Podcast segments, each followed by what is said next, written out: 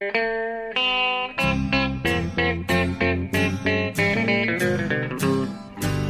out there, we're on the air. It's hockey night tonight. Tension grows, the whistle blows, and the puck goes down the ice. The goalie jumps and the players bump, and the fans all go insane. Someone roars, Bobby scores at the good old hockey game. Oh, the good old hockey game is the best game you can name. And the best game you can name is the good Hallå, hallå, hallå, hallå, hallå, hallå, hallå, hallå, hallå, hallå där, hallå! Yes, hallå, hallå och välkomna till eh, NHL-podcasten med eh, Jonathan Mowgli Bamse Ekeliv Ja. i Stockholm och mig Per Bjurman Baloo. Ja. Som vanligt, eh, eller inte alltid som vanligt, men just nu i New York. Ja, Eh, Och vi ska ta och spela in vårt 241 avsnitt va? ja precis på pricken. Du, du, du håller ordning på Jag håller det där, jag är den enda som bryr sig om det där, men det är bra att du, du sätter det fortfarande. Ja, och eh, vi är ju mitt inne i slutspelet. Vi är i halvtid i Stanley Cup-slutspelet 2019 kan vi säga. Det kan man verkligen säga, precis. Två runder passerade, två runder kvar. Ja, det där är ju lite speciellt tycker jag faktiskt. För att det, det känns som det har hållit på jävligt länge nu. Vi har varit igång i en månad och eh, lagen eh, som nu går vidare känner förmodligen att de har åstadkommit otroligt mycket. De har gjort, stått för stora bedrifter och eh, eh, det har ju varit utmattande och så. Ja, Men de måste se sig i spegeln och säga eh, vi är hälften kvar. Det är lika mycket kvar och det kommer bara att bli svårare och jobbigare och tuffare eh, ju längre vi går. Så är det ju. It takes four wins four times. Ja, de har vunnit åtta matcher nu. Man måste, man måste vinna 16. Ja. Så det är just som du säger, det är liksom, jag menar som San Jose som vi kommer komma in på här, två raka Game Sevens. Eh, Och ändå har de bara kommit halvvägs liksom. Det är Ja. lika mycket kvar och det blir bara tuffare och tuffare. Tuffare motstånd för var runda som går. Ja, det, det, det där måste ju vara eh, lite mentalt påfrestande när man, när man tänker efter. Emotionellt ställa om. Liksom. Här har vi precis varit uppe på rusig febertopp med två Game 7 som avslutar andra rundan. Ja. Och så börjar nästa, konferensfinalerna, omedelbart. Eh, jag tycker att det där är, är lite trist att NHL har så förbannade bråttom hela tiden. Men det är för att eh, de, dels vill de ha action hela tiden för tv-siffrorna och dels så eh, är de besatta av att bli klara i tid så fort som möjligt. Eh, Ja, de vill jag stöka undan den här säsongen. Ja, jag tror det är så att ju längre, ju djupare in i sommaren de går desto svårare blir det att locka just tv-publiken med hockey. Ja. Nej, jag tycker det är precis, för det är redan nu här i natt här när vi spelar in, vi- förhoppningsvis kommer vi ut några timmar tidigare, så är det dags för, ja då börjar konferensfinalen helt enkelt med Boston Carolina. Och då har vi knappt hunnit eh, skaka av oss den här Game 7 i San Jose. Så det, Nej, det är ju liksom inte ens 24 timmar emellan. Men vi får väl vara glada att det inte är som ibland och i vissa andra sporter att, att de hakar i varandra. Att, att eh, om ena sidan är klar, att ena konferensen, att de börjar innan den, den eh, föregående rundan är, är klar. det, det har hänt någon gång i NHL va? För bara något år Ja, sedan. det, det känns ju, det blir, framförallt blir det ju liksom just känslomässigt helt skevt då. Ja. Nej, precis. Exakt. Man är liksom fortfarande inte klar med en runda så rent emotionellt heller, vi som åskådare. Och vill Nej. bygga vårt slutspelsträd och så helt plötsligt ska de fortsätta i nästa steg, i nästa etapp på andra sidan konferensen. Det, nej. Nej. Nej, och inte bara emotionellt, nu även fysiskt får jag säga att jag skulle behöva någon, något dygn att, ladda om eh, för att eh, det har inte blivit mycket sömn. Eh, sen eh, Game 7 i San Jose tog slut, så dels de vanliga referaten och få tag i eh, en glad Erik Karlsson efteråt på någon middag i kaliforniska Ja. natten. Så sen skulle det skrivas krönikor och, och lite analyser av, av eh, det som komma skall. Ja, ditt eh, Så klassiska jag- tips. Ja, så jag gick ju la mig här vid sju på morgonen och eh, strax efter tio ringde du. Då ringer jag och säger att nu ska det minsann spela sin podd för att nu är det snart dags för nästa runda. Så att då är Bjurre, då är det dags igen. Ja, så jag är lite vimmerkantig eh, just nu då, men eh, starkt, starkt för att vara amerikanskt. Kaffe står på, på skrivbordet.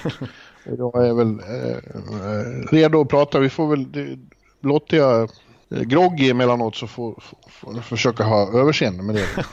Det kan bli risk att det blir en liten klassisk kaffepaus efter någon halvtimme igen. Att du får fylla på den där muggen ett tag. Ja, det, det, Det räknar jag med. ja. Ja, men du... Men det, det, finns ju, det finns ju en hel del att prata om såklart. Och, eh, men vi ska börja med eh, slutspelet. Det är det som är helt eh, totalt i fokus nu. Precis. Det är det som får eh, pulsen att stiga på alla, det är det vi är intresserade av. Och vi går igenom de två konferensfinaler vi har framför oss, men samtidigt tittar tillbaks på det som har hänt i andra rundan. Exakt. Och som traditionen bjuder börjar vi alltid med öst. Ja, och där är de uh, two last standing är ju då Boston Bruins och Carolina Hurricanes. Och Boston uh, lyckades manövrera ut Columbus Blue Jackets uh, i sex matcher. Det blev ingen Game 7 fast John Tortorella hade utlovat det efter förlust i Game 5. Just det. Det har han, så gjorde han ju i fjol också och det blev ingen, han kunde inte infria löftet då heller. Han kanske ska ta sluta med det. Ja, han får nog lägga ner med det. Det är bara Thomas Hertel och Mark Mercier som är bra på det. ja, ja precis. Ja, ja, och in the end, vad ska man säga om det då? Eh, Jonte. Jag kan, måste vara ett nummer större och eh, framförallt skulle jag vilja påstå att eh, eh de, de fick eh, se en Tokarask växa för varje match och till slut eh, hamna i 2013-form igen. Ja, det får man säga. Jag ska bara börja med att säga att eh, när vi ändå kommer in på alla serier på de här eh, andra rundan här att eh, nej, 0-4 är mitt record i tips. Så vad jag, vad jag säger här, det, det, jag förstår och mitt, mina kommande tips här väger inte tungt. Men det är ju melodin i det här slutspelet. Så att jag känner mig inte ensam riktigt. Men nej, jag är inte stolt över mitt record. Det kan jag verkligen inte säga. Nej, och apropå det då, då, då skulle jag säga då att jag har ju fått lite äh, äh, betting-community efter mig här. äh, efter, ja, jag gjorde misstaget att dra in odds och grejer i kommentarerna efter Tampa hade åkt ur. Och, ja. jag har haft mycket intressanta diskussioner med, med en ung man som tydligen är, och det framgår, en av de mest framgångsrika i betting-sammanhang i Sverige. Ja. Och eh, i, i deras, ur deras perspektiv så är vi dilettanter. som inte vet någonting. De använder ju extremt eh, noggrann statistik innan de lägger stora pengar på det de tror på. Men jag vill ju understryka en sak att vårat, vårat och i alla fall mitt huvudsakliga jobb är ju inte att vara tippare eh, eller spelexpert. Eh, NHL är underhållning här och vi är ju bara lallare som försöker ha kul med det här. Så man ska inte ta oss på så stort allvar så att man utgår från sina miljoner att vi har någonting med dem att göra. Nej, precis. Och jag som ändå är intresserad av att djupdyka i statistiken, jag har inte direkt eh, haft framgång med det än så länge. Nej. I det här slutspelet kan man verkligen inte säga. Nej, men, men jag, jag, jag har inget ont om den här unge mannen jag pratade om. Som han, han finns under pseudonym ja. Eh, på nätet. Vi är, det har varit intressant, men jag, jag vill bara säga det att eh, man ska inte ta oss som eh, spelexperter. Verkligen inte. Nej, Nej men jag håller med dig där i din analys där om att Tukarask verkligen är den stora faktorn till att det blev Boston till slut. För att som sagt förra veckan då, då hade Columbus 2-1 i matcher. Jag uttryckte ju Eh, min magkänsla av att eh, det här kommer Blue Jackets ta. Det kändes som mm. att mycket studsade deras väg att, jag menar, så långt in i slutspelet, de hade väl 10-3 eller ska jag säga 3-10 i stolpskott. Alltså motståndarna eh, träffar av en hela tiden medan de, deras puckar satt. Liksom. Det, och special teams funkar. Det var, det var liksom allt. Sergej Bobrovski var ju fantastisk fram till den här sista veckan. När, när, ja. faktiskt, när faktiskt Tokarask måste jag säga var helt otrolig. Han är ju 95% i den här matchserien och i sista avgörande Game 6 som det visade sig bli. Eh, så han tog ju alla 39 skott. Jag tyckte det var en jämn match att Columbus var minst lika bra spelmässigt men då var det faktiskt Tucka som stängde igen butiken. Ja, Tortorella tyckte att det var deras bästa match i hela slutspelet. Mm. Eh, game 6. Men eh, ja, det var ju så. Tucka eh, blev bättre och bättre för varje match. Ja, det är svårt att inte komma tillbaka till 2013 eh, när, de, när de nollade, alltså svepte Pittsburgh i konferensfinalen. Just det, just det. Då spelade han eh, sitt livs hockey och han, eh, han är ju på väg dit igen, den finländske bjässen. Ja, precis. Och skönt för honom också verkligen knäppa igen truten på många kritiker med tanke på att... Ja, han var ju ett frågetecken när slutspelet började tyckte vi. Det var ju helt andra målvakter man pratade om. Precis, och det var ju till och med så att eh, många, det var ju liksom lite delat bland Boston-fansen att vissa ville att Jaroslav Halak skulle få chansen. Men de stod lika många matcher i grundserien och då hade Halak bättre stats. Och i förra årets slutspel så var ju Tukarask inte speciellt bra. Han fick en hel del kritik då. Eh, mm. Men nu, som ser, nu är det 2013-form. Nu är han liksom tillbaka i den lilla, lilla Vessina slag som han har visat tidigare i karriären. Ja, jag såg efter matchen fick han, fick han frågor om eh, vad han tyckte om eh, eh epitetet eh, Big Game Tuka, att han blir gör sina, sina bästa, står för sina bästa insatser i de största matcherna. Han, han ryckte bara på axlarna och sa yeah, yeah, I guess it's better than, than to suck. ja, det, ja. Men samtidigt var det ju också så, till, till skillnad från förra veckan då när, när, när vi tittade på den serien och du fick din känsla av att Columbus skulle ta det här, att eh, första kedjan började ju svinga för full maskin igen. Eh, Mm. Det hade den inte riktigt gjort i början av serien. Då, då var man mer eh, imponerad av att eh, bredden i Boston, att det finns andra som kan steppa upp när, när den där första kedjan blir neutraliserad. Ja. Eh, och det är ju sig en imponerande styrka, men det blir ju såklart eh, de blir ju såklart ännu vassare och får en annan spets när, när den kedjan inte går att neutralisera. Och Pasternak och, och Marchand och, och Bergeron blev ju riktigt eh, skitbra i sista matcherna också. Nej, exakt, precis. Vi, förra veckan så refererade jag ju till en lokalreporter där i, i Boston som kallade Pasternak för a complete ghost. Ja, Helt borta. Liksom. Men det, så ja. slutade han ändå den här matchen mot Columbus med fyra mål. Liksom. Ja, exakt. Eh, det gick inte att hålla dem tillbaks.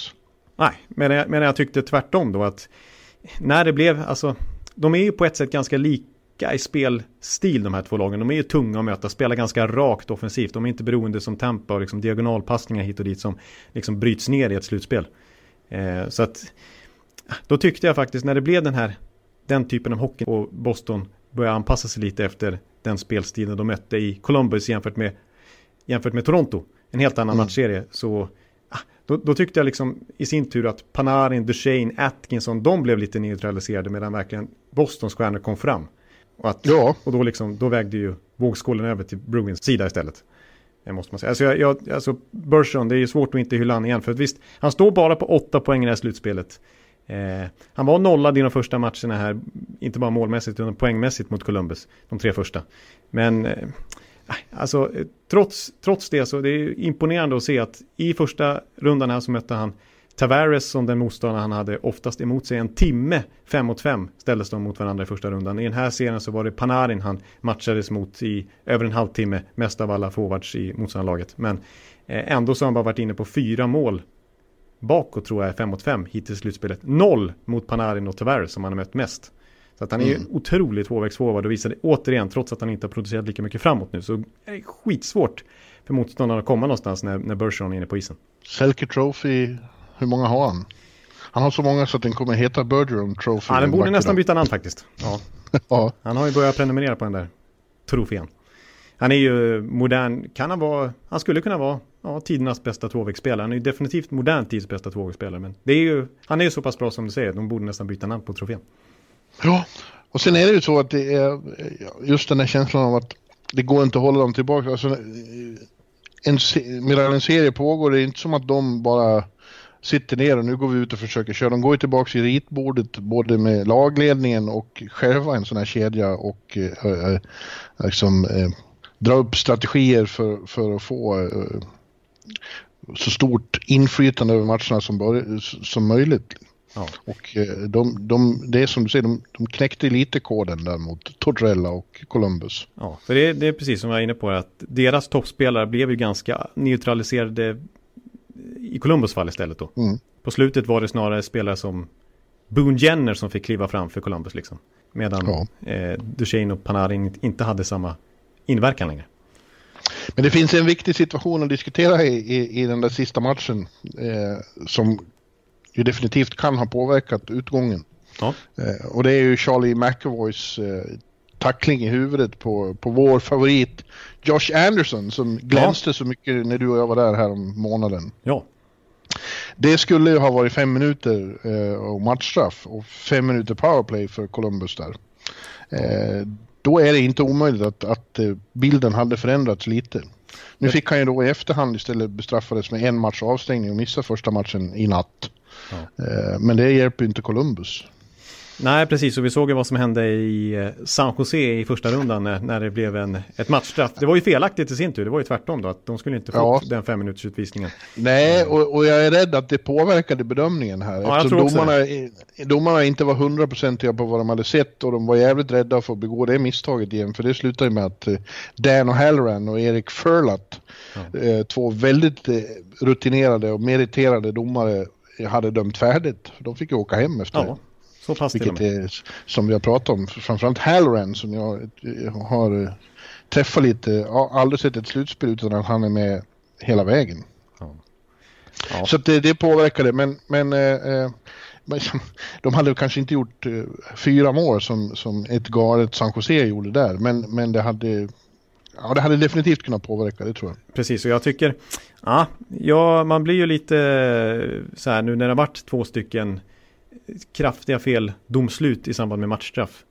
Eh, mm. Eh, och vill jag säga i den här serien också så var det ju, eh, fick ju Columbus med sig ett helt skandalöst mål också. I form ja. av att pucken var uppe i skyddsnätet, en meter uppe i skyddsnätet och studsade ner. Bostonspelarna var förvirrade och slutade spela i princip för de trodde att eh, spelet skulle blåsas ja. av. Var på Columbus ja, väldigt, mål. Det var väldigt underlig situation där. Ja, var på Columbus gör mål och det skulle också aldrig ha godkänts. Så mitt, mitt förslag till det här det är ju att inkludera fler moment i coacher challenge så att man verkligen har rätt att utmana det här så att man kan få rätt. Och visst, då skulle kritiken kunna vara att då blir det långa matcher och hit och dit. Men har man det coacher challenge, då är det ju faktiskt så att har man rätt, då, ja, då får man eh, möjligheten att fortsätta utmana domslut. Men har man fel, då får man en två minuters utvisning för delay of game, man blir av med sin timeout och man förverkar sin möjlighet att utmana fler domslut. Så att man måste verkligen vara på det säkra om man vill utmana i så fall. Eh, och då, då, skulle vi ja. få bort den här typen av skandalmål. Eller skandalbeslut. Ja, det, det, det, borde vara självklart att varje gång eh, domarna i så avgörande situationer är osäkra att de själva vill ha granskning. Ja. Eh, och i synnerhet i skenet av att det är så förbannade viktigt med varenda millimeter på offside. Eh, eh så den, de situationer vi pratar om är ju mycket mer liksom flagranta. Eh, Precis. Och påverkar spelet mycket mer än huruvida någon har eh, en millimeters spets på, längst fram på skridskoskenan innanför eller utanför eh, blålinjen. Exakt, som vi, som vi kommer att komma in på i Colorado-serien här när, när, ja. när Gabriel Landeskog inte påverkar spelet överhuvudtaget. Men han är ju offside och då blir det målet bortdömt. Medan, jag menar, när pucken är uppe i skyddsnätet här som i Boston Columbus-fallet så det påverkar spelet enormt mycket. Ja. Men det, det målet eh, döms. Ja, det där, är, det där blir ju som ett, eh, ett, ett löjets skimmer. Ja. eh, faktiskt, i synnerhet nu när vi kommer in i slutspelet och allting är så jävla viktigt. Ja, ja. usch, nej, det där får de eh, ta tag i ordentligt eh, inför nästa säsong. Alltså. Ja, det som är, jag kan tycka är lite tråkigt nu med att Columbus försvinner, det var att eh, Downtown Columbus var en av de platser där eh, hockeyfebern var som allra mest eh, eh, hög. Ja. Eh, det hade blivit riktigt hett och kul i Columbus men tyvärr det ger ju inga extra stilpoäng. Ja, jag tycker det är häftigt att se till exempel att eh, hela nedre etage som ju bruk, brukar vara lite så här VIP, dyra biljetter och lite företagsbiljetter och sådär. Det är kanske inte allra bäst stämning längst ner på matcherna. Eh, men eh, det var ju ståplats i Columbus. Alla stod ju upp under hela matcherna. Framförallt på nedre etage. Det var ju ett ruggigt tryck alltså. Ja. Så att, ja. Men eh, ja, de fick i alla fall se sin första slutspelsserieseger eh, ja, i organisationens medan, historia. Mm. Medan Boston då, där det, krävs det en del för att få... Ja, det, är, det är inget fel på stämningen i tidig Garden heller och de älskar sitt Bruins där men nu är det ju så att Boston är en extremt framgångsrik idrottsstad. Ja. Eh, de, har, de har redan inom loppet av ett år här vunnit New England Patriots vinner jämt Super Bowl. Ja. Red Sox vinner baseball. Och nu var de ju chockade över att Celtics åkte ur NBA-slutspelet. Ja. Eh, de hade tänkt sig en, en eh, Grand Slam med fyra... Han ska vinna rubbet, alla proffsidrotter. Ja, ja det, det, det, stör ju andra rivaliserande städer som den jag bor i till exempel. Här är, är det en väldig rivalitet med Boston i allting och framförallt i sport. Ja. Eh. ja. Ja, men det, ni har, du, du hör ju genom tvn när eh, Tidig Garden förenas i, i Let's Go Bruins. Det blir, ja. det blir tung stämning där med. Two. Om det blir Blues Bruins i, i final då blir det mycket ooh. Ja exakt, då kommer liksom neutrala fans som inte följer så mycket undra vad, vad som händer egentligen. De buar ut varandra hela tiden. Ja. Ja, ja men hörru du, de har en motståndare också i konferensfinalen Boston och de heter Carolina Hurricanes. Eh, det var vi väl i, i princip klara med redan förra veckan? Att de, Nej, inte riktigt ändå. Alltså då, mm. då hade Carolina visserligen tagit knipigt de två första matcherna uppe i Brooklyn. Eh, men jag, fel som vanligt, sa jag att jag tror att det kan bli en lång serie ändå det här. Nej, mm. det blev det verkligen inte. Rätt vad det var så, så var, hade Carolina sweepat ja. eh, detta New York Islanders som i sin tur svepte bort Pittsburgh i första rundan. Ja, det har ju bara hänt några få gånger att ett lag som eh, sveper i första rundan själv blir svepta rundan på. Senast det hände var eh, 93 tror jag, Buffalo. Ja, det är ett tag sedan. Så det är en underlig, eh, underlighet. Ja, men det var, det var ju inget snack om saken i de här två matcherna i PNC. Arena. Jag tyckte ju ändå att det var lite, de hade lite studsarna med sig Carolina i de där matcherna uppe i Brooklyn och, och de fick ju mål bortdömda både en och två gånger Islanders då. Eh, mm. Men eh, nej, det blev ju två raka 5-2 segrar och till och med så pass att Robin Lehner fick eh, bli utbytt helt enkelt för att ja, de, det, de, de, fick det, ju Islanders känns... försvar att rämna skulle jag säga. Det har hänt så mycket sen den här serien och den känns så länge sen fast det bara har gått en vecka. så att ja. jag har nästan glömt detaljerna. Men ja. just ja. Ja, det var ju väldigt trist slut på säsongen för Robin eh, som har haft en sån saga till säsong. Ja, en saga. Eh, och så slutar det med att han blir utbytt och, och, det blir ju så, det blir ju så eh, speciellt i, i, just PNC Arena eftersom äh, gästernas målvakt sitter i spelargången. Det finns inte plats för Nej, på andra sidan isen liksom. Det såg ju nästan eh, väldigt, komiskt ut. Sit, de sitter väldigt eh, exponerade liksom. Ja, tragikomiskt. Han, han, ja, nu ska vi inte ta i. han hanterar ju situationen väldigt bra tycker jag. Och han har ju vunnit eh, på så många andra sätt i år. Verkligen. Som, män, som människa. Precis, och han har ju enorma planer här för sommaren vad jag förstår med att fortsätta med liksom foundations och liksom föra vidare sitt budskap och sin roll som förebild liksom. Ja. Eh, så att det, och det säger han själv, det är långt mycket viktigare än min hockeykarriär. Och så får vi se vad som händer med hockeykarriären. Det var ju bara ett år här med Islanders och han har ju sannoliken stärkt sina aktier inför för, nästa kontraktsförhandling med vem det än blir. Precis, verkligen alltså. Där, eh, jag menar, det var ju inget, eh, det var ju verkligen inte alls samma intresse förra året. Eh, jag menar, då var han ju, var det ju tveksamt om han ens skulle få stanna i NHL ungefär. Och nu, mm. nu kommer han ju skriva ett rejält kontrakt. Alltså. Ja. Men det är, det är lite, lite spännande och oroväckande eller hur man nu ser det sommar för Islanders som väntar. För det är ju inte, jag menar kapten Lee har ju utgående kontrakt. Nelson har utgående kontrakt. Eberle har utgående kontrakt. Ja, men det här ska vi återkomma till i, i en slutpodd, ja. hörde du. Precis. Det är en riktig silly på riktigt. Ja, nu ska vi prata vidare om det här och det underliga i Carolina Hurricanes eh, slutspelshistoria. Ja. Eh, för, för det är ju så anmärkningsvärt nog så att eh, antingen missar detta lag slutspel helt och hållet som de har gjort i tio år i rad. Eller också går de minst till konferensfinal. Det är ju jävligt underligt. Aj. Eh, de år de har varit i, i i slutspel så har de antingen eh, gått till, sluts, till konferensfinal eller final och vunnit en gång. Ja. Förlora en final också. Ja, det är en konstig streak egentligen. Liksom allt eller ja, inget ungefär. Ja. Men det, det, det, och vi har ju varit inne på, liksom, vi har ju förundrats här i vecka efter vecka nu och vi har ju pratat om skadorna som de har haft, att de har haft en renodlad AHL-kedja i fjärde kedjan i princip för att de har varit tvungna till det. Eh, vi har hyllat Peter Merasek, men så går han sönder och så kommer liksom Curtis McElhaney in istället och är lika bra. Jag tänker inte försöka säga det där. Ja, det är ju... du, det... Vi vart ju otroligt utskrattade för våra uttal på honom. Ja, McElhenney. McElhenney. McElhenney. Ja, sluta nu. Ja. Sluta. Du sa det ju rätt nyss. Ja, Mac... McElhenney. Ja. ja. ja.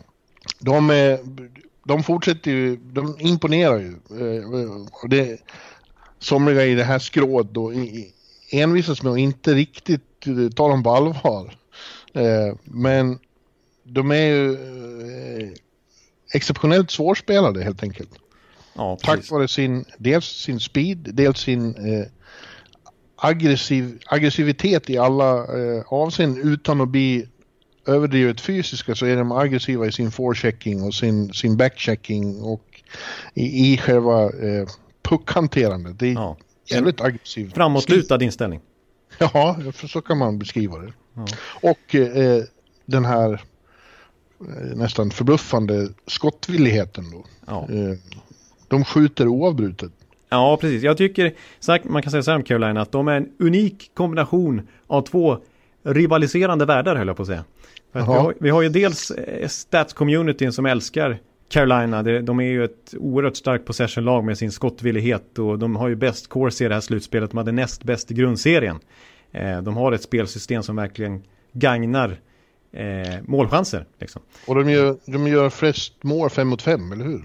Ja, eh, och, och sen eh, har vi dessutom den här extrema inställningen de har. Den här otroliga lagandan. Allt det här mm. heart and soul, grit liksom.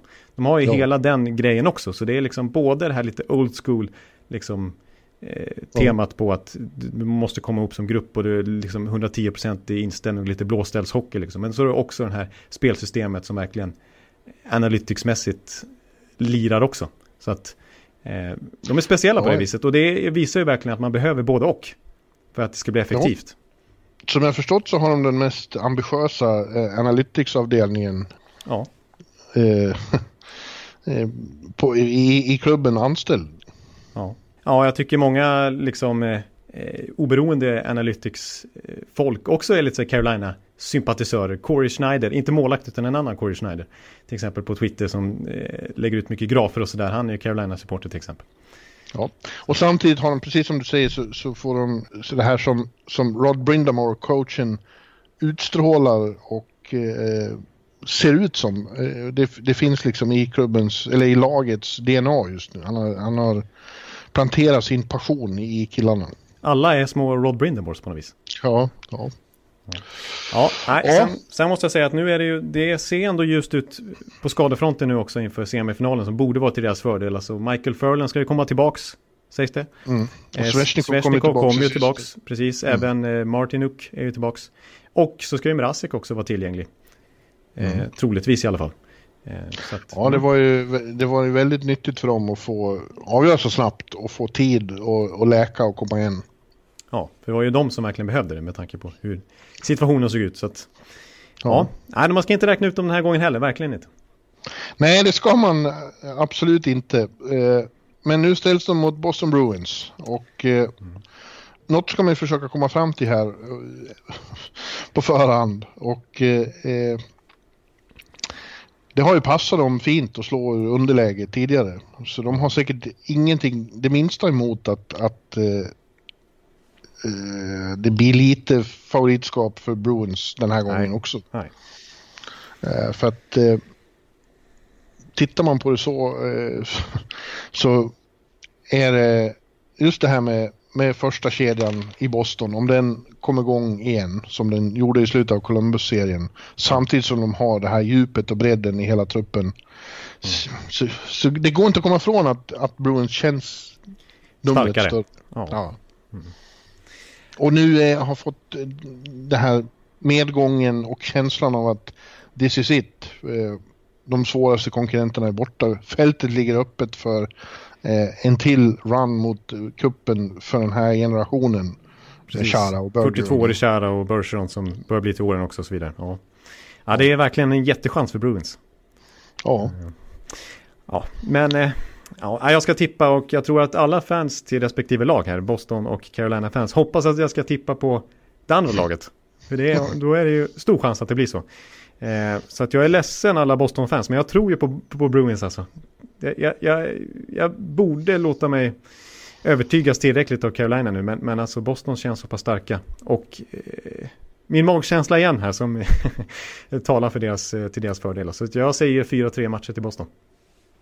Ja, jag säger 4-2 och tror att eh, eh det ska också understrykas att de har hemmaplansfördel. Hade Carolina spelat merparten av matcherna i PNC Arena där de är obesegrade än så länge i slutspelet mm. och där trycket håller på att växa till historiska proportioner. Ja, det är på Nassau-nivå. Ja, så jag säger 4-2 ändå till Bruins. Ja. Men jag blir eh, återigen blir inte det minsta förvånad om, eh, eller ja lite förvånad, men eh, inte, inte jätteförvånad och inte missbelåten om Carolina proves us wrong again. Nej, 50-50 alltså. Men det är 51-49. Ja. Mm. Du hade 0-4, vad hade jag då? Jag tippade i Boston mot Columbus och så tippade jag väl... Eh... Eh, ja, ja nej, vi, nej, vi hade väl fel. Du hade rätt på... Du hade rätt på Boston, ja. Precis. Men hade jag rätt på St. Louis också? Nej, vi sa nej, Dallas båda två. Mm. Och vi sa Colorado och vi sa Islanders. Mm. Jag har ingenting att skryta med heller precis. Nej, men du, du fick i alla fall men jag sa fyra, Jag sa 4-2 till Boston mot Columbus. Så jag, sa, ja, jag får trösta mig med det. Ja, det var ju precis. Du hade ju helt rätt i alla fall. På, på, i den, åtminstone i den matchen. Mm. Ja, har ingenting eh, alls emot om jag har fel faktiskt. För det, det är ju väldigt... Det är väldigt lätt att tycka om Carolina också.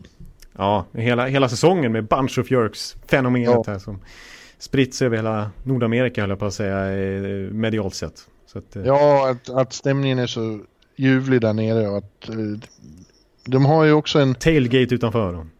De har ju faktiskt också en väldigt vänlig och, och liksom hjärtlig framtoning där. De, de, eh, det, kan, det tar ju också till deras fördel att de i, i högre grad än någon annan som är kvar kan känna att vi är de som har minst att förlora här. Ja, ja precis. De har verkligen, de har gjort en, en säsong över alla möjliga former och förväntningar redan. Så att de har ja. noll att förlora verkligen. Det har du helt rätt i. Och det brukar ju vara en väldig styrka att ha det i ryggen. Ja. Men du, eh, let's go west. Let's go west. Mm. Och där eh, blir det alltså San Jose Sharks mot St. Louis Blues som vann varsin Game 7 till slut. Mm. Eh, och vi börjar med den som avgjordes först och det var ju då St. Louis eh, som betvingade Dallas i de två sista matcherna i serien. Eh, efter att Dallas hade gått upp i, i faktiskt 3-2 ledning i femte matchen och eh, i allmänhet är det så i, att när det står 2-2 laget som då vinner femte matchen, jag tror det är nästan 75 av gångerna, eller 80 av gångerna, så är det det laget som... Som, eh, som går vidare. Som går vidare till sist. Mm. Mm. Historiskt sett. Men det, det brände Dallas och det var nog så att de brände det i Game 6 där de förlorade. De hade chansen att avgöra på hemmaplan och eh, underlät att göra detta. Ja, det blev 4-1 och den matchen ja. rann iväg liksom. Och redan från start så kom ju St. Louis ut med mycket, mycket, mycket desperatare och bättre inställning. Alltså det var ju 8-0 i skott ett tag och de tog ju ledningen efter bara någon minut. Ja, jag, ty jag tycker Dallas slarvade bort det där. Eh, det var, det var den verkliga chansen för dem. Ja. För... Om, man har den, om man har den ledningen med 3-2 ska spela hemma. Det, under inga omständigheter får man förlora den matchen. Nej, och inte med den, nej som sagt en inställningsfråga tycker jag också lite grann. Det var ju, en, nej St. Louis kom ut mycket bättre där. Ja men det är också så, så, det är lätt att sitta och säga. Det var ju en jävligt jämn serie. De pratade ju själva om att, att, att eh, det var en trafikstockning liksom. De var så otroligt jämbördiga, kände de själva. Ja, exakt. Och det, det, det avgörs ju först i femte perioden i Game 7 liksom. Och ja, dessförinnan ja. har ju, visst, nu dominerar St. Louis den matchen också ganska tydligt, men jag menar, eh, Jamie Benn är en wraparound på mållinjen ifrån att avgöra hela matchserien. Så att... Ja, men då blir det så att, eh, så det är lätt att säga att man, man borde vinna den där sjätte matchen, men någonstans finns det alltid bakhuvudet på laget eh, när det är så jämnt. Laget som har eh, en chans till. Eh, de, de, de, de, säger alltid att nu ska vi matcha deras desperation men det går inte att fejka eh, känslan man har när man verkligen står med ryggen mot väggen. Eh, att vi måste ge allt nu annars är säsongen över. Det, det, det, det, man får fram i sig själv då, det går bara att få fram när det är på riktigt. Ja, det är inga artificiella känslor här utan det är riktiga känslor som måste frammanas ja. av, av verkliga situationer. Liksom. Ja, men sen som du säger, så den där sjunde matchen var ju rätt så... Ja, sjätte var ju också underligt på så vis att den avgjordes till slut av att, att uh, Parayko drog ett slagskott i, i nyckelbenet på Ben Bishop. Ja. Så han låg och sprattlade som en, som en abborre på, ja, på stranden. ville ju få spelet avblåst för han eh, var ju skadad då liksom, tyckte han. Ja, mm. och då gjorde... Uh, ja, då satte ju St. Louis 3-1 i tom kasse i princip. Ja. Och, och sen gjorde Montgomery, tyckte jag då, misstaget att inte ta ut Bishop direkt. Eh, han var han inte så allvarligt skadad som vi trodde, men han var ju uppenbart omskakad. Så i momentet därpå eh, så gjorde St. Louis ett ganska enkelt mål till som han ju inte hade släppt in i vanliga fall. Nej, nej precis. Nej, det var ju visserligen en märklig situation men också kanske lite dumt hanterat också Dallas i det läget. Men, ja. Men sen kommer vi till Game 7 och som du, som du påpekade där så spelmässigt så var ju eh, under ordinarie matchtid var ju St. Louis så överlägsna så att eh, det var man höjde på ögonbrynen. 18-1 i skott i andra perioden. Ja, eh, man hade extremt mycket av spelet. Mm. Mm. Sen var det ju jämnare i, i, i, på, i förlängningen. Eh, Ja. Och som du säger, det var ju verkligen inte långt från att Jamie Benn har en lång sommar och går och fundera på hur den där pucken inte gick in. Nej, precis. Det. Ja. Man orkar inte med klyschans målmarginal men det är verkligen så. Det är liksom helt olika historier som skrivs beroende på hur pucken studsar i sådana... Ja, när det är så jämnt liksom. Ja, man törs ju knappt nämna det i denna Analytics-värld, men tur har ju med saken att göra. Ja, så är det ju faktiskt. ja. Eh, Men eh, ja, det som verkligen stod ut i den här serien som blev bara tydligare och tydligare också med tanke på hur det var så jämnt. Men en faktor som stod ut som jag var inne på redan förra veckan. Det var ju det här med St. Louis tyngden då, alltså kraften i deras anfallsspel och förmågan att snabbt spela sig ur egen zon. För att eh, ja, det, det, det var ju det som blev tydligare och tydligare att St. Louis hade större och större övertag rent spelbildsmässigt. Kanske inte nödvändigtvis farlighet på chanserna. För jag menar, Dallas kommer ju också till farliga chanser tack vare sin spets. Liksom. Eh, Men, ja, det var intressant när jag pratade med Oskar Sundqvist e- efter matchen, efter Game 7. Han sa att visst, vi hade stort spelmässigt övertag, men jag var nervös hela tiden för att vi skapar inte så särskilt farliga chanser. Nej, för det handlar mycket om att snurra runt i hörnerna sådär och bara behålla anfallen långa i princip. Inte nödvändigtvis komma in, in på mål riktigt. Men eh, faktum är att det slutar med att eh, St. Louis har haft kontroll på pucken i anfallszon dubbelt så länge under hela den här serien som Dallas. Mm. Eh, Dallas hade aldrig mer än sex minuters puckinnehav i någon match. St. Louis aldrig, hade aldrig under sex minuter i någon match. Eh, så att det säger, säger ju ganska mycket om hur spelbilden såg ut. Ja. ja. Men jag får lite samma känsla som jag pratade om Columbus där. Att det är tråkigt ändå att Dallas försvinner. Det kändes som det var något eh, väldigt speciellt på gång där. Och de har eh, gott om spelare som, som eh, man eh, Gillar. han, blir, han blir lite kär i under slutspelet här med, med de unga finnarna i, i, i framförallt då Heiskanen och, och, och Rope. Råpe. Rope Hintz, ja. Ja. Och Esa Lindell, inte lika ung men, men också ett utropstecken. Ja, verkligen. Ja, nej, precis. Så att framtiden för Dallas känns ju ändå stark. Jag menar, deras core med Klingberg, Seguin, Ben är ju fortfarande i en bra ålder. Men så har äntligen här så börjar fyllas på lite underifrån också med två superfinnar som verkligen har slagit igenom, inte minst i slutspelet här. Mm. Eh, Så att det, det, det känns ju spännande på sikt. Inte lika kul måste jag bara skjuta in här, jag har inte med NHL att göra, men för finska VM-laget, för alla de här tre finländarna har redan, bara dagen efter, tackat nej Ja, så att eh, ja, de NHL-spelare som den finska VM-truppen står med det är Juho Lammikko eh, från Florida och Henry Jokiharju från eh, Chicago. Var, bara båda då tillbringade hälften av säsongen i AHL. Så de är inte ens Ja. ordinarie NHL-spelare. Och Mikko Rantanen kommer ju garanterat inte att spela heller. Han har ju varit skadad väldigt... Eh, Och kontraktsår dessutom. Så. ja. Ja, med tanke på vilka, vilka Finland skulle kunna ha rent teoretiskt som inte är kvar i slutspelet så är det ju eh, riktigt bedrövligt. Ja, är, Från, från Line till Barkov eh, och, och, och de här. Och, ja, alla stora. ja, det finns mer har det kallats kanske det sämsta finska VM-laget någonsin till och med.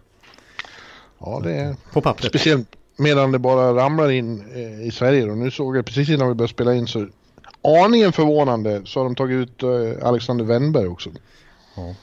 Ja, det är kul för han i alla fall. För det här är en chans till revansch för honom efter en riktigt tung säsong och två raka år med som inte alls gått som det var tänkt. Jag menar, han gjorde ändå 60 poäng för tre år sedan. Mm. Så att det finns ju en kvalitet där. Men, mm. eh, jag såg att eh, en gammal Modohjälte, Christian Kosela, han var alltså guldhjälte för Modo 2007. Det är ju 12 år sedan. Han gör VM-debut som 36-åring för de har inte så mycket annat. Så, att det, så måste Finland ställa upp. Ja.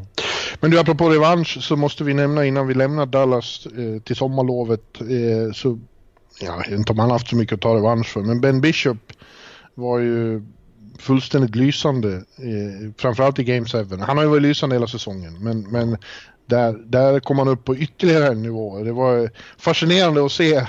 Han, han var ju, eh, det var ju blitzen mot bis, biskopen. Liksom. Ja. Och hela tiden zoomade de in hans mamma på läktaren. och som någon skrev på, på Twitter, we're all Ben Bishops mother now. för att, och det var liksom nervöst eh, för oss neutrala kan man ju bara föreställa sig det var för henne. Ja, precis. Det, det var ju över 50 skott han fick mot sig i den Game 7 alltså. Ja. Eh, men ja, skulle man räkna, skulle slutspelet räknas in i Vessina-omröstningen då är det ju han som, som får priset. Som skulle få ja. priset. För hans fantastisk grundserie, otrolig avslutning på grundserien inte minst.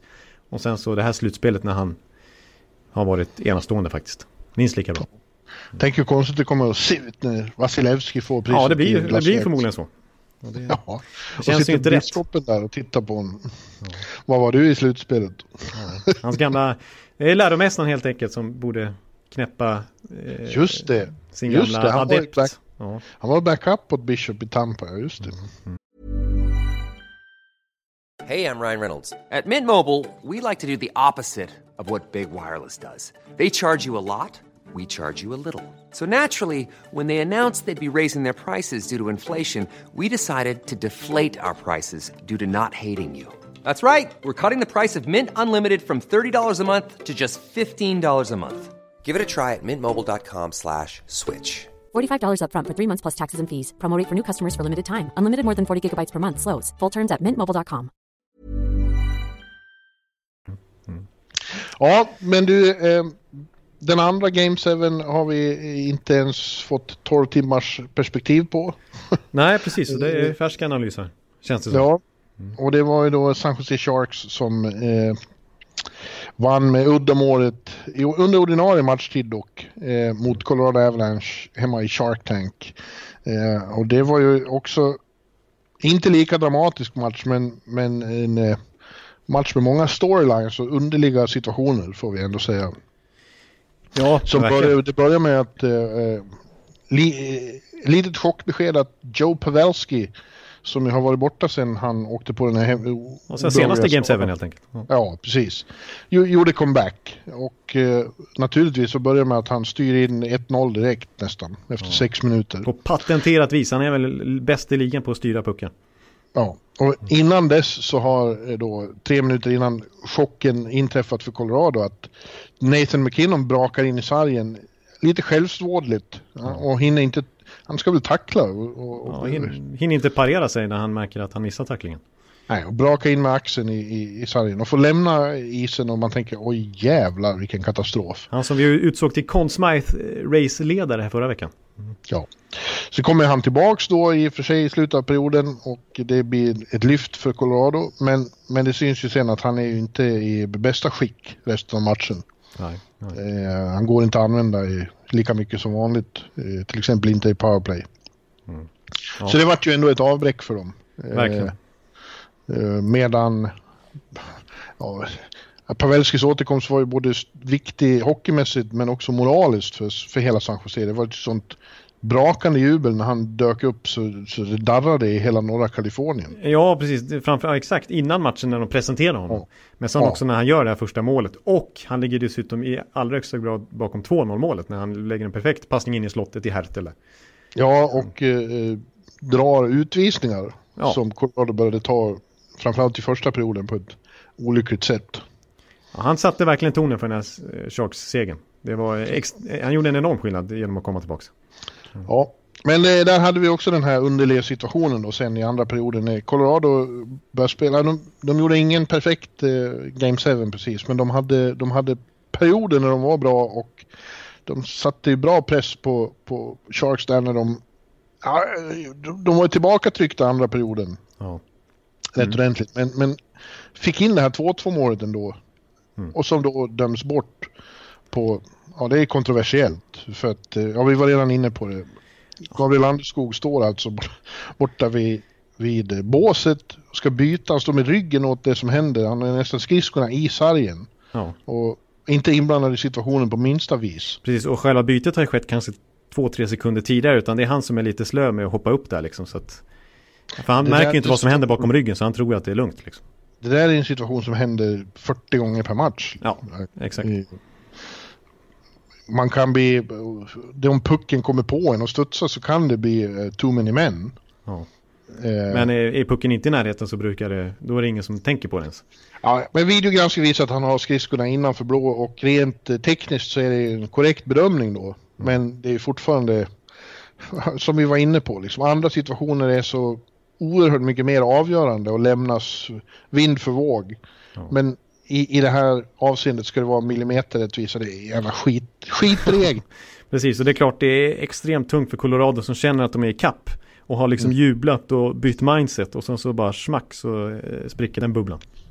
Men Gabriel eh, hymlade ju inte efteråt. Han tog på sig det helt och hållet och sa att det är, det är jag, klumpigt misstag. Get off the ice for God's sake.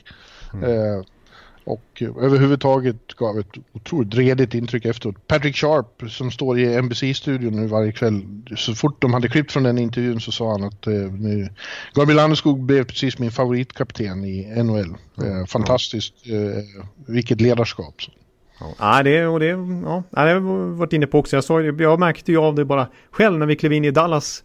Eh, inte Dallas omklädningsrum utan i Dallas, i Colorados omklädningsrum i Dallas. Mm. när vi var där att, att eh, liksom Landeskog liksom hela hans aura spred en bra harmoni i hela gruppen märkte man utifrån våra 50 sekunder. Ja, ja han är en, eh, en väldigt speciell person. Han, han, han är fortfarande ganska ung faktiskt. Eh, varit utsedd till kapten som 19-åring. Han var ju yngst någonsin när han blev utsedd men nu har väl McDavid bräckt honom. Men, mm. han, är, han har en sån lugn eh, men ändå påtaglig pondus i sin personlighet. Ja. Han är svår att inte tycka om. Han är ju extremt liksom han är ju mm. rolig som person överhuvudtaget. Ja, det är dessutom det. Mm. Han kan vara både, han kan vara både väldigt seriös eh, när, när, situationen kräver det. Mm. mm. Men också lättsam och ja, jag, är, jag har haft väldigt gott utbyte av honom den här säsongen. Han har varit förträfflig när jag har varit där och så. Ja, ja. ja nej, det, det... det ska bli väldigt eh, tråkigt och inte få ha med honom att göra igen. Samma mm. med Carl Söderberg som jag tycker hade sån eh, extrem oflyt. Ja, det måste vi ja, prata om otur igen tycker jag faktiskt. Avslutningarna eh, var som att han, någon hade lagt en voodoo på honom. Du kommer inte få göra några mål. Ja, det blev ju noll mål i slutspelet trots massor med chanser. Ja. Och han har ju ett bra skott egentligen men det, bara, det bara ja, han, Det var ju vissa lägen som var liksom pucken dansade på mållinjen. Ja. ja. Nej, det ville sig inte helt enkelt för honom. Annars tycker jag måste säga att, att jag är imponerad av Colorados serie här ändå. Jag och också av San Jose. För vi båda vi tippade ju Avs. Vi trodde att deras spel skulle passa Sharks illa. Deras omställningsspel, deras fart, deras ettrighet och sådär. Som, de åt ju upp Calgary liksom. Mm. Eh, och i San Jose tenderar det att vara lite svängdörrar i försvaret ibland också med deras offensiv och deras possession game. Men eh, det blev ändå inte alls lika förkrossande siffror i till, exempel rush scoring chances, alltså målchanser på kontring som Colorado normalt sett är väldigt starka på. Det blev bara 42-37 där, så de lyckades begränsa dem ganska kraftigt, San Jose. Men om man ser till liksom underliggande siffror, expected goals utifrån kvaliteten på målchanserna och sådär, så hade Colorado övertag över sju matcher.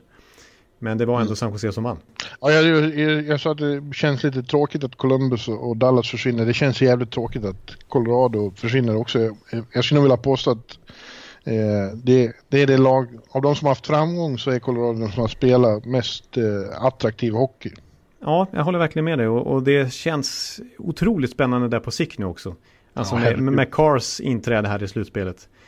Girard som fick ett ytterligare ett litet lyft av att få spela med med McCard. Det känns som ett otroligt spännande backpar på sikt om de fortsätter. Ja, jag skulle just säga det. Vilket, vilket backpar att gå in i framtiden med. Och det är inte som att, att eh, det, de är lastgamla, deras fantastiska första kedja heller. Nej, verkligen inte. Jag menar, McKinnon 95 vi sa just att Gabriel Landeskog inte gammal heller, 92 och Rantanen 96 ja. Så att det är ju verkligen unga spelare och eh, dessutom nu i sommar då. Visst, de hade bäst odds igen, precis som 2017 inför draften, men får återigen drafta fyra då, för de torskar alla tre lott, lotter där. Eh, mm. Men jag menar, de tog ju McCarr med fjärde valet 2017 så de kan säkert vara en bra spelare nu i sommar också. Så ja. det ser väldigt spännande ut för Avs och Sakic. Ja. Men eh, mot sig hade de då San Jose som eh, eh de är ju en underlig samling bohemer de här. Alltså. Ja. Eh, för att eh, de har ju inte gjort något perfekt slutspel på något sätt hittills rent spelmässigt. Eh, som du, du nämnde där, det är svängdörrar bakåt ibland och man får en känsla ibland att de, att de liksom just på bohemiskt sätt blir extremt slarviga och lite sladdriga. Arroganta nästan. Ja, och inte gör det de ska. Men nu har de ju haft, eh, eh, ja de har ju den här medgången, de har det nu liksom. Ja. De, de, de hittar sätt att vinna ändå, det är ett tråkigt uttryck, men de gör ju det. Och, och, och, och de hittar sätt att trycka till i precis rätt lägen i matcherna. Ja, Och, det är ju, de har ju verkligen lyckats bara smack, smack när det väl behövs alltså. Alla, Ja. samtliga tillfällen, alltså, båda rundorna. Och de har lite tur, som man Ja. ska ha. Ja, det ska man ha. Eh, och eh, ja, jag har ju sett det där för många gånger för att bortse från det. Att lag som hamnar i den här eh, lite förtrollade situationen eh, går, går långt. Ja, det, ja. Det, det räcker hela vägen. Ja, det har ju, man har ju sett det några gånger på LA Kings till exempel. Ja, ja. LA Kings eh, 2014, de spelade tre Game 7 innan de kom till final. Och i den första mot just San Jose låg de under med 3-0. Ja, nej, precis. Det är, jag, jag kan köpa vad du säger. Att det, är liksom, det, är en, det är en liten förtrollning som har påbörjats här. Samtidigt är det så att de har ju truppen fullspäckad av eh, potentiella matchvinnare hela tiden. Exakt, Det var, de. det, har jag skrivit ner här för jag har skrivit ner några punkter. Att det, det, är liksom, det är ju gamebreakers överallt. Ja. Och är det inte Thornton, är det inte Couture, Pavelski, de här gamla Pavelski som kliver in i den här Game 7. Men den förra Game 7 var det Kevin LaBanc som var fantastisk. Ja. En, Eh, en renodlad målskytt nästan. Ja, ja, eh, och jag menar Evander Kane, jag menar Thomas Hertel. Vilken, Ja. Vilket lyft. Jag är otroligt imponerad av hans säsong. För det här är ju första året han verkligen får spela center. När de, och det var ju egentligen inte meningen tror jag. För att de tradade ju bort eh, Tierney till Ottawa i den här Carlson-traden. Och kände att oj, nu fick vi en lucka på centersidan. Hur ska vi göra då? Vi- Hertel, du får väl spela center då. Men vad har hänt? Han, har gjort, han gjorde ju nästan 30 poäng fler än han någonsin har gjort i grundserietiden. Han kom ju upp i 74 pinnar. Och nu är det här slut på 35 mål dessutom ska jag lägga till. Och det här slutspelet så leder han ju ihop med Couture skytteligan med nio, nio mål. Eh, han är ju fantastisk som center. Timo Meier, Meier Ja, ja ska också nämnas. En, eh, verkligen. också gjort stora mål. Ja, och Och verkligen Brent Burns. Brent Burns. Och Erik Karlsson. Erik Karlsson kan inte göra mål längre säger han själv. Nej, Men han leder assistligan i slutspelet med 12 assist. ja, det säger ju någonting också. Trots att han, eh, trots att han, det, det, han är inte 100% i, i eh, det, något naggar honom till och från skademässigt, tror man ju. Ja, jag är ju lite skraj för de där ljumskarna alltså. För det syns i vändningar tycker jag att han inte har samma smidighet exakt. som man, man är van. Alltså hans, hans, eh, hans skridskoåkning brukar se ut som att han är, alltså det är en klyscha också, men som han är född med skridsko. Alltså det är, lika, det är mer naturligt än att han går. Liksom som en vanlig man. Utan han, de där skridskorna har ju liksom känselspröt ute i dem så att det liksom, de sitter fast på, det, det, han har en otrolig smidighet på isen. Men nej, nu märker man att, att det gör ont i vändningen. Eller någonting är det för att det är inte samma Erik Karlsson. Men, men så länge han har pucken eh, Ja. på sin, vid sin klubba, då är han ju samma gamla Erik Karlsson. Liksom. Och det är därför han har gjort 12 assist. Att, mm. Och ska också påpekas Martin, Martin Jones eh, kom ju tillbaka efter sin bedrövliga start på slutspelet och sin tämligen mediokra grundserie. Eh, så har ju från slutdelen av Vegas-serien så har han ju varit riktigt bra. Han har inte gjort några platsmatcher mot Colorado alls. Nej, verkligen inte. Han, ska, han förtjänar mycket beröm nu efter all skit han har fått. Och han var ju faktiskt grundseriens kanske sämsta första målvakt eh, Framförallt sett i statistiken. Eh, Men nu är han ju, nu är det lite 2016-varning igen. Som gjorde att han fick det fina kontraktet han har. Eh, För att han var så fantastiskt dominant då i slutspelet. Mm. Så, att, ja, Ja, men nu blir det bara svårare och svårare och vad man kan fundera på är ju hur mycket förtrollat det nu än är så, så ska man orka också. Och nu har de spelat, nu har de gått igenom två sju-rondare på raken eh, och kommer att gå upp i en riktigt eh, förmodligen påfrestande, utmattande kraftmätning med tunga, hårda eh, St. Louis Blues. Ja, precis. En, en repris av konferensfinalen 2016. Eh, som vi också beskrev så på förhand, men det, där blev det ju mer att... Eh, De åkte ifrån St. Louis där. ja, Shark, Sharks då på den tiden var helt enkelt kvickare än Blues. Det vet jag inte om det kommer vara skillnaden nu. Nej, det var gamla David Backer St. Louis de, de Ja, pre- precis. ut då. Mm. Och eh, ja, jag tycker det här är en svår serie att analysera. Någonstans tycker jag att St. Louis är, eh, eh, har fördelen av att de är, de är betyd, de känns som mer organiserade och strukturerade och eh, mer sammanhållet som lag. Ja, och så en otrolig kontinuitet också. Alltså de har ju väldigt få gropar i matcherna när de inte, så, så som San Jose har. Nej, precis. Eh, och just att sen, sen Berube kom in har de ju fått en, just en extremt stabil struktur. Som de alltid Eh. kan falla tillbaka mot liksom. Ja. Det, det, det borde ju borde vara utslagsgivande i, i en sån här serie. Men i, i, igen, jag, kommer, jag, jag kan inte släppa det där med att, eh, att Sharks har något just nu. Som är svårt att, att, att han- komma åt för motståndarna. Ja, och jag måste återigen referera till mitt gamla brandtal där från första podden inför slutspelet. Det är ju, jag tror att det, har, att det finns den känslan i omklädningsrummet också i San Jose, att det här är en så stor chans för dem, för Joe Thornton. Han kanske lägger av efter det här om- om man får lyfta bucklan för Pavelski och hela det här Burns och alla som har hängt ihop så länge. Och så är det Karlsson på kontraktsår, jättechans med det här superbygget i San Jose att vinna Stanley Cup faktiskt. Det finns så många som verkligen vill tror jag Mm. ha den här bucklan. Visst, de kan vara arroganta och slarviga och bohemiska eh, ofta. Men de har ju lyckats komma tillbaka hela tiden på grund, tror jag, av att de vill det här så mycket till slut ändå. Ja, och man ser de här gångerna när de trycker till, när de får etablera pucken i offensiv zon och, och börjar trycka på, då, då är det inte nådigt. Nej. Nej, då har de en ruggig högsta nivå. Så då har de det bästa, det bästa spelet i slutspelet. Ja. Eh, så att, eh, ja, jag lutar ju åt, eh, med viss tvekan åt att säga 4-3 till Sharks igen. Eh, att de får samma resa som, som Kings 2014. Ja, jag har skrivit ner 4-3 San Jose också faktiskt. Det, Ja. det känns eh, som sagt, äh, det blir 51-49 eh, när jag resonerar här. Eh, Så det är väldigt, väldigt, väldigt jämnt och mycket som talar för båda lagen. Men nej, San Jose. Ja. Eh, Mitt, mitt stora frågetecken blir eh, just eh, hur trötta de är. Nu har ju St. Louis också spelat rätt mycket. Det var ju, de har bara spelat en match mindre. Ja. Eh, Fick en extra vilodag här, men det är svårt att säga om det spelar någon roll. Nej, Ja, nu fick ju även, de börjar först på lördag så även San Jose får ju vila lite grann mer. Och det kan verkligen behövas i så gamla ben som Thorntons till exempel. Ja, ja nej, jag ser, nej, spännande. Det blir, Ja. eh, då blir det San Jose mot eh, Boston i final. Om, eh, om vi får rätt.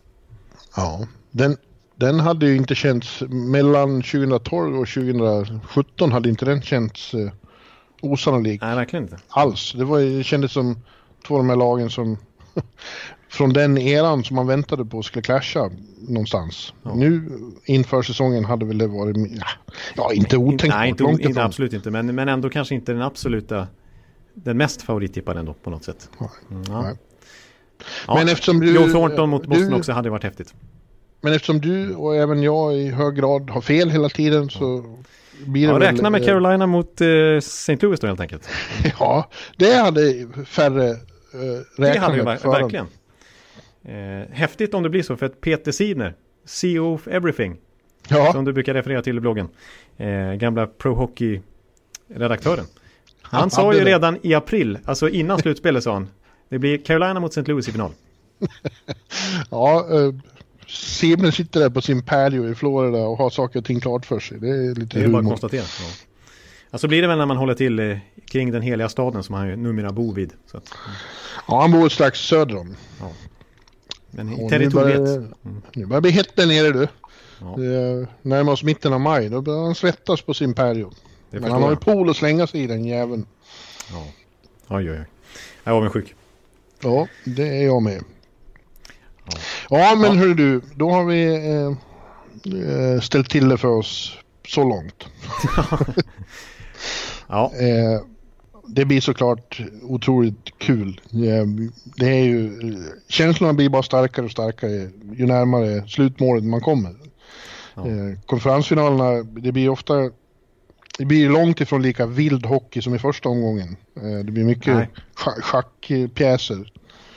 Nej, precis. Det är som du brukar konstatera. Att först är det frustande hästar som stångas. Som mm. springer rakt in i varandra ungefär. Och, och, nu är ju, sen blir det mer schack som du säger. Det blir mer läser av varandra och, och strukturen liksom mer tydlig. Men insatserna i potten är ju större också. Alltså i, nu ligger ju en plats i Stanley Cup-finalen. I den heliga Stanley Cup-finalen ligger ju där och väntar på dem. Ja, ah, det ska bli underbart. Ja. Ja, men nu innan vi avslutar, det har hänt lite på sidan av isen som vi tänkte att vi också får kommentera då. Ja, en hel del managementbeslut har, eh, som ruskar om NHL lite grann. Ja, och den stora nyheten var ju då att eh, Ken Holland eh, tackade ja rätt så snabbt till budet från Edmonton Oilers och blir ny general manager där och för, ja han får 5 miljoner dollar per år. Ja, ett femårskontrakt värt 5 miljoner dollar per år. Det är en rejäl, rejält eh, tilltagen summa för en general manager men det förstår man att han tackar ja till. Efter... Ja det förstår man verkligen. Fast han får lov att flytta till Edmonton höll jag på att säga. ja exakt, det är, det är inte det klimatet kanske man inte föredrar men eh, ja, får man, får man betalt eh, av det där slaget så kan jag förstå. Och skulle ja. du flytta till Edmonton för 5 miljoner dollar om året? Ja, det skulle, ja, det skulle jag nog faktiskt göra faktiskt. ja, ja. eh, det är ju ändå så att man höjer lite på ögonbrynen och det. Man tänkte att eh, Edmonton skulle satsa på att försöka komma in i 21 århundradet. Men eh, de satsar alltså på en oldtimer som har varit i Detroit sedan 93. Ja, Eller ännu, ja, ännu längre, 80-talet. Han har varit där i 34 år. Mm. Ja, ja. General manager i över 20 år. Ja, han är ju, han är ju så mycket Detroit som man kan bli utöver liksom Gordie Howe och familjen Illich. Ja. Minst lika mycket som Iceman som nu alltså tar hans post ja. som general manager. Alltså det, och Holland uttryckte ju till en början liksom, ja när det blev klart att, att det kändes okej okay och att eh, han har enorm tilltro till Iceman och att han var ämnad för den här posten en dag. Eh, och han, spar han sparkades ju upp, uppåt lite grann så han fortfarande skulle ha makt i form av President of Hockey Operations. Men han sa ju själv nu, dels tror jag att det här budet var det som lockade mest. Att han får så, så en enorm lön och förtroende i Edmonton nu. Men också så sa han ju när han var i Sverige här under U18-VM. Men inte under general manager-ansvar. Så kände han, att det är ändå roligt att vara den som verkligen bestämmer som liksom hands-on som general manager. Det är det han är van vid. Mm. Så att, eh, och det ska jag säga nu i Edmonton så har han blivit lovad full autonomy. Alltså att eh, han är både president of corporations och general manager. Det är han som fattar alla hockeybeslut. Han ska, liksom, Daryl Katz, ägaren där och Bob Nicholson, deras vd, ska inte behöva lägga sig i och, och säga att nej, så här får du inte göra. Utan, och inte de här Craig McTavish och Kevin Lowe som alltid hänger kvar i någon slags sidoroller. Utan det är Ken Holland som ska få bestämma nu. Mm. Ja, han har ju gott renommé sen tidigare men eh, sista åren har han ju inte imponerat tycker jag då. Det var ju väldigt mycket lättare att vara Ken Holland innan lönetaket. Då tog han bara dit eh, så mycket superstars så det var omöjligt att slå dem. Ja. Eh, men eh, sista tio åren har hans arbete snarare präglats av en oförmåga och eh, iscensätta det som behöver iscensättas, det vill säga rebuild. Ja men det tycker jag ändå att han har gjort i Detroit nu. Alltså det, det är svårt. ja men vi var ju, det har vi väl varit inne på att han, de var alldeles för fixerade vid den här idén om att gå till slutspel varje år ja. för att hålla den sviten vid liv. Precis, och jag tror han, men han kände ju press med tanke på att det är en sån hockeystad att det här, man vill inte vara den som bryter den här sviten men samtidigt så måste ju alla egentligen sätta sig i spegeln och insett att de var tvungna att göra det här. Det var, det var dumdristigt att, att skriva jättekontrakt med Steven Wise man fick köpa ut och Frans Nielsen för en hög summa fast man visste att han, han är liksom 30 bast. Eh, och liksom de här lojala kontrakten mot eh, Abdelkader i tredje kedjan och liksom Darren Helm och Jontan Eriksson och så vidare som ja, det, det, det var ju dumdristigt. Och det insåg han ju till slut. För att jag menar det Detroit han lämnar över till Steve Eisenman är ju betydligt bättre. Han har ju draftat väldigt bra på slutet igen. Eh, de har framförallt samlat på sig väldigt mycket draftval. De har ju 10 nu i kommande draft, 9 2020.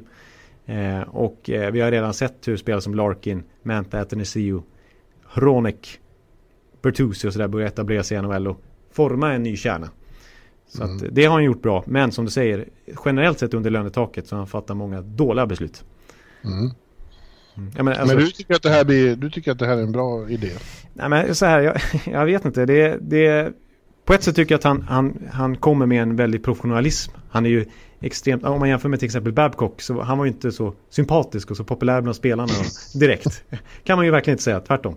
Medan Ken Holland är ju liksom en general manager som ett enormt renommé, enorm eh, som liksom det känns som att alla tycker om och, men samtidigt har en väldig respekt för. Eh, Eh, så att det, det, tror jag han kan föra med sig. Det snackas om att han ska ta med sig Tyler Wright, deras eh, scoutchef från Detroit till Edmonton. Eh, och han pratar ju ändå, trots att han har press på sig nu att med eh, McDavid och, och Leon Draisaitl gå till slutspel direkt nu så pratar han ändå om att de måste liksom bygga upp scoutverksamheten här som har varit så katastrofal i Edmonton eh, i liksom lägre runder än första rundan.